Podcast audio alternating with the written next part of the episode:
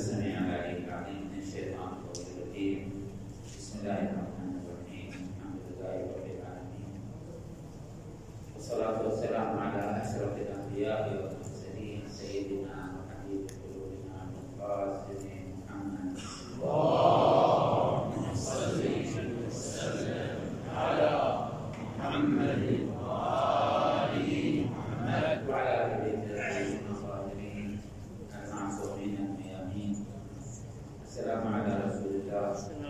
الداعي على وحيه وعزائم أمره الخاتم لما سبق والفاتح لما استقبل والمهيمن على ذلك كله اللهم صل على محمد سيد المرسلين وخاتم النبيين وحجة رب العالمين المنتجب بالميثاق والمصطفى في الظلال المطهر من كل آفة المطهر من كل آفة والبريء من كل عيب المؤمن للنجاة والمنتجى بالشفاعة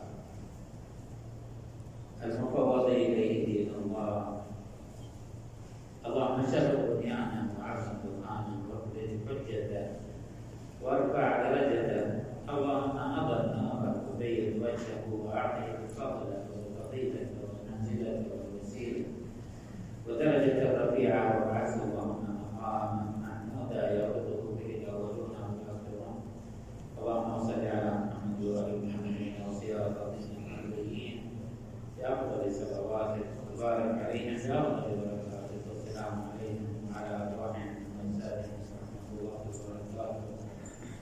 ثم السلام عليكم ايها المؤمنون جميعا ورحمه الله وبركاته وعليكم السلام ورحمة الله قال عز ما قال في محكم الكتاب الكريم بسم الله الرحمن الرحيم لقد جاءكم رسول من انفسكم عزيز عليه ما عنتم حريص عليكم بالمؤمنين رؤوف رحيم فان تولوا فقل حسبي الله لا اله الا هو عليه توكلت وهو رب العرش العظيم صدق الله العظيم قالت فاطمة سلام الله عليه في خطبتها بعد أن قالت هذه الآية قد جاءكم رسول من انفسكم عزيزا عليه ما عنتم. قالت عليه أفضل الصلاة والسلام. فإن تعفوا فجدوه أبي دون نسائكم واخر ابن عمي دون رجالكم قد بلغت نذارا صادعا بالرسالة سائلا عن درجة المشركين. حائلا عن سبيل عن سنتها ضاربا ثبتهم اخذا باقدامهم يجد الهام ويكب الأصنام حتى انهزم الجمع وولوا الدبر. ووضح الليل عن صبح وأوضح الليل عن صبح واسفر الحق عن أحد ونطق زعيم الدين. كنتم على شفا حفرة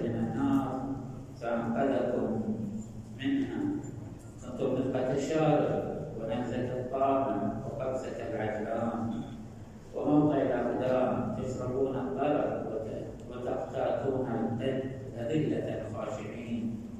تخافون أن يتخطفكم الناس فأنقذكم الله برسول الله صلى الله عليه وآله وسلم بعد التي والتي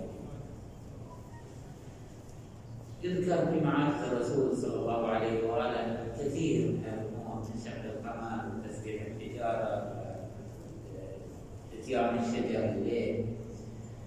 وفضلا عن القرآن الكريم ومعاجز كثيرة تذكر لنبينا صلى الله عليه وآله.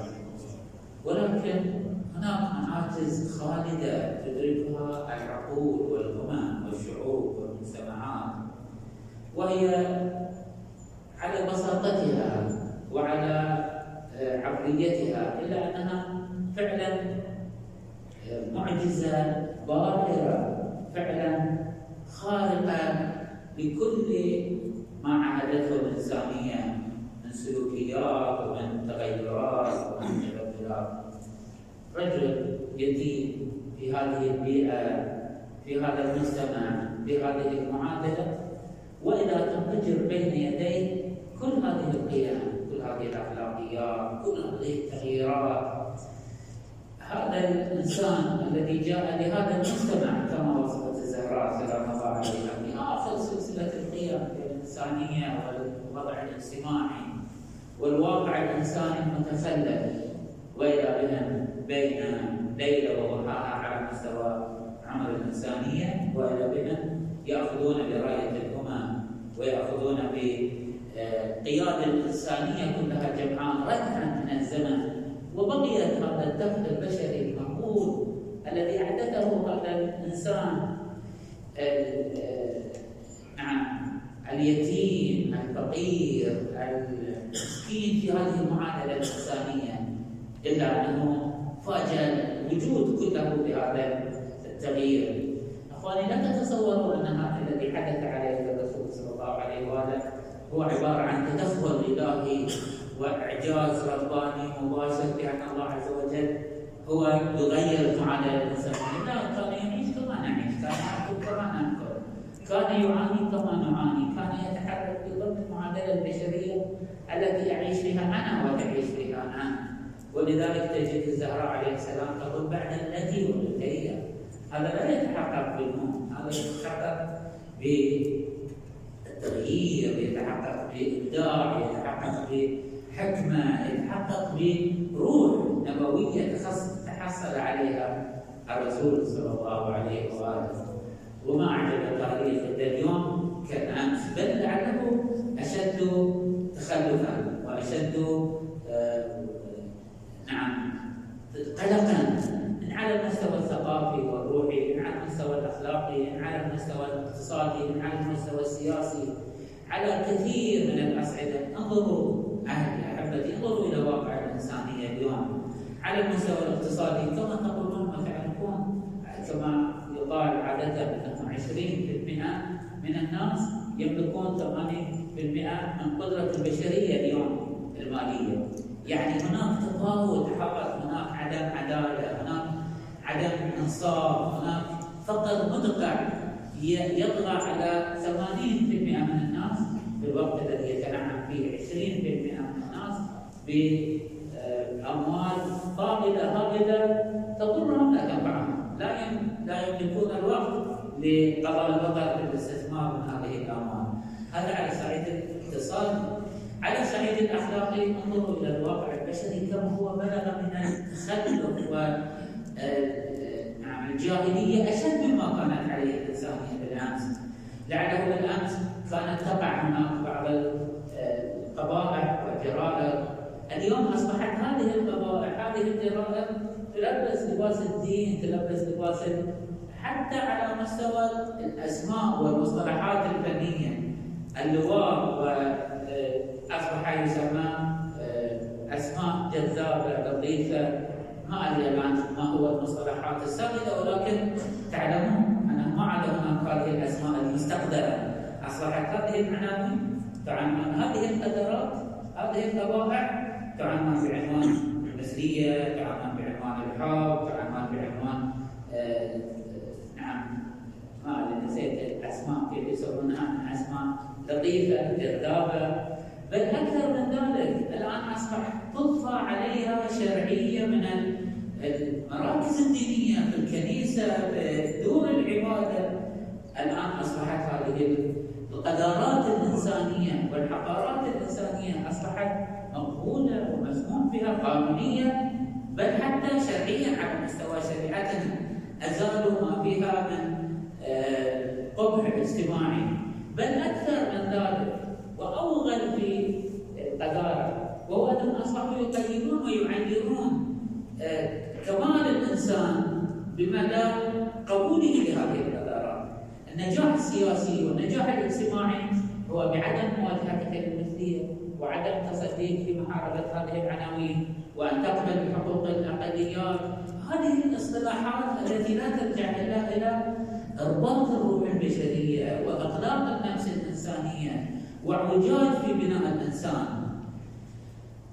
هذا الواقع الإنساني الاقتصادي الأخلاقي لا.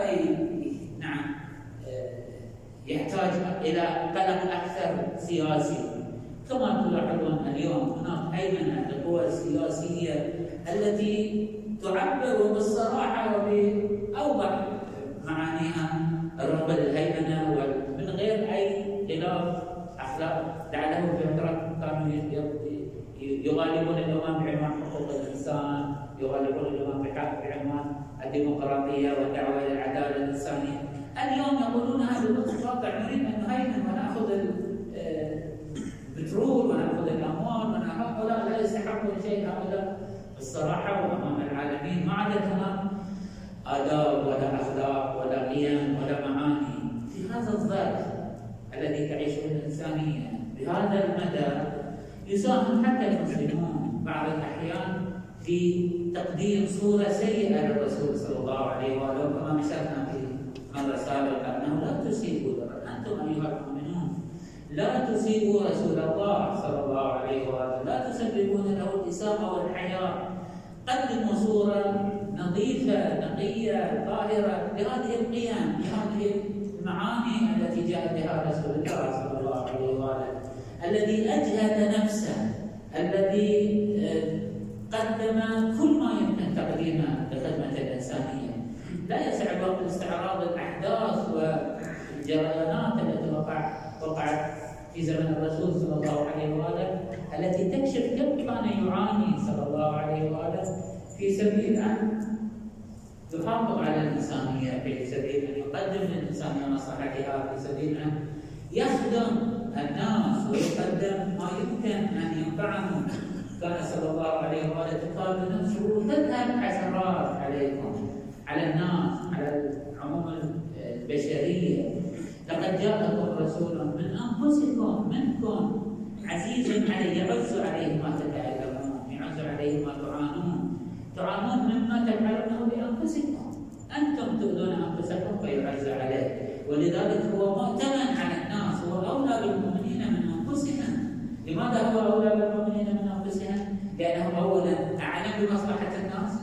مثل الأب والأم أولى بشأن الطفل لأنهما أعرف بمصلحته وأعرف بما ينفعه. بل أكثر من ذلك هو أولى بالمؤمنين من أنفسهم لأنهم أعطف وأرق منهم بأنفسهم. هو أحب إليهم يحبهم أكثر من محبتهم لأنفسهم. انظر كيف أن الأم تعشق ابنها وتحب ابنها كان رسول الله صلى الله عليه وآله هكذا يتعامل. ولذا من خلال هذا الفهم لمقام الرسول في حيثية الرسول لنفسية الرسول صلى الله عليه وآله نفهم كل الأحداث والجريانات التي وقعت في زمانه إشارة سريعة بمقدار ما يتسع له الوقت من أحداث على أنها كثيرة وذات دلالات واضحة لاحظوا أنه عندما كان الرسول صلى الله عليه وسلم. كما تعلمون في التاريخ في ليلة العقبة عندما حاول بعض المنافقين أن يقتلوا رسول الله صلى الله عليه وسلم. وعرفهم رسول الله صلى الله عليه وسلم. ماذا حصل بعد ذلك؟ لم يحصل شيء. بقوا هؤلاء المنافقون في صفوف المسلمين يعيشون معهم. ولم يتكلم بل أكثر من أنه لم يتكلم معهم رسول الله صلى الله عليه وسلم أكثر من أنه سكر عليهم كان يسقط النصح لهم ويتعامل معهم. كتعامل من لا يعلم انهم قاموا بهذا العمل. هل هذا يفهم سياسيا؟ هل هذا يفهم أصلا انسانيا؟ حسب معاييرنا الإنسانية المعتادة؟ هذا لا يفهمه إلا روح نبوية تريد وتستهدف كل شيء هو استخلاص الناس من النار هو هدفه ابعد من مجرد سياسيه نستحضر حادثة أخرى وهي ولعله حادثة تاريخية جزئية أشار إليها القرآن الكريم ولكنها عابرة. وعندما اختلف آه، بعض الأنصار مع بعض المهاجرين فنادى هذا المهاجر قال يا المهاجرين ونادى ذاك يا الأنصار حتى كادت أن تكون فتنة. عالجها رسول الله صلى الله عليه وآله بفنون معالجة. لم يدخل في معركه النزاع وإنما كأنما اغلق الملف وتجاوزه هنا لم يسع الوقت للاشاره إلى تفاصيل هذه الحادثة لأنها تحتاج هذه الحادثة التي نزلت فيها قول الله عز وجل ليخرجن اعز من ذلك كما صح احد المنافقين انه سوف نخرج المهاجرين الذين هم آه، جاءوا مع الرسول صلى الله عليه وآله إلى المدينة المنوره وكما عبر هذا المنافق انه اشبع كلبك ياكلك إلى هذه الدرجة مع ذلك رسول الله صلى الله عليه واله تجاوز هذه القضية واستوعبها. حادثه اخيره أشير إليها. نعرفها جميعا وهي رزية الخميس. عندما قال الرسول صلى الله عليه وسلم بالناس لاحظوا حتى في هذه الحالة. كان صلى الله عليه وآله يلطف بالناس ويلطف بأتباعه ويلطف بالمؤمنين. عندما قال أعطوني ذوات لكم وصية لا تظنون بعدها أبدا يعني يريد أن يكتب أمر حساس أمر محوري أمر خطير لا تظن بعدها الإنسانية أبدا عندما قيل ما قيل في مجلسه وأمي عليه صلوات الله عليه وجلست قيل له يا رسول الله أنا أحضر لك بذوات المقدم فقال أما بعد الذي قلتم فلا لماذا يقول هكذا رسول الله صلى الله عليه وسلم؟ لماذا يعزل عن هذه العملية؟ أهي مسألة زعل وضيق؟ لا المسألة أن يدرك قدرة هذه الأمة على استيعاب هذه العقائد المحمدية. يعلم أنهم لا يستطيعون أن يستوعبوا هذه الفضيلة لا يستطيع أن هو يريد أن يعطينا يكتب لهم كتاب يريد أن يضع لهم دستورا يريد أن يأخذ بأيديهم إلى طريق الكمال ولكن عندما أحس منهم الخلل والضعف ماذا يعني؟ هو لا يريد فقط أن يحدث مغالبة سياسية. لا يريد أن يقدم طرف على طرف. لا يريد أن يحدث معادلة سياسية يتمكن بها أمير المؤمنين علي بن أبي طالب عليه الصلاة والسلام من الآن. وإنما يريد أن يحدث في نفوس هذه الأمة. تهيؤ والاستعداد لأن تسير في طريق الكمال لكي تستمر الواقع البشري اليوم إلى على ما بناها هو صلى الله عليه وآله. نحن اليوم مدعوون اخوان محبتي إلى أن نستحضر القيم والمعاني والمفاهيم والرؤى التي جاء بها رسول الله صلى الله عليه وآله. لاحظوا اختصر كلامي بأن أقول كل الشرائع وكل الأنبياء إنما جاءوا توطئه لمجيء الرسول صلى الله عليه وآله محمد بن عبد الله.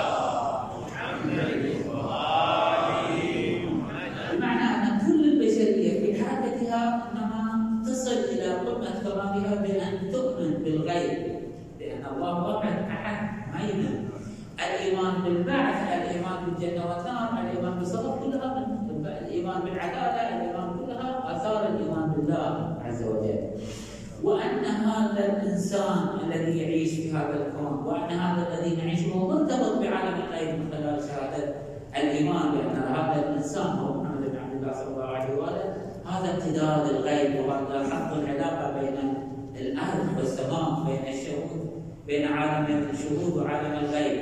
هذا هو الإيمان الخالص الذي يأخذ بيد الإنسانية إلى كمالها وصلاحها. ما لم ننهي هذا الواقع الايماني ما لم نحول هذه المعنى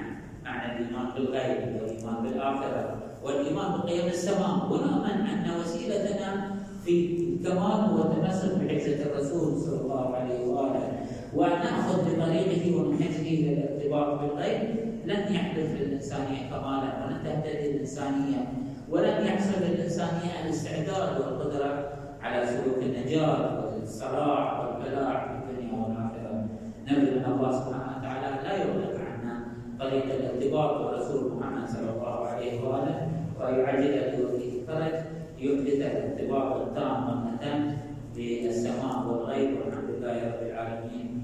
صلى الله على محمد وآل بيته الطيبين الطاهرين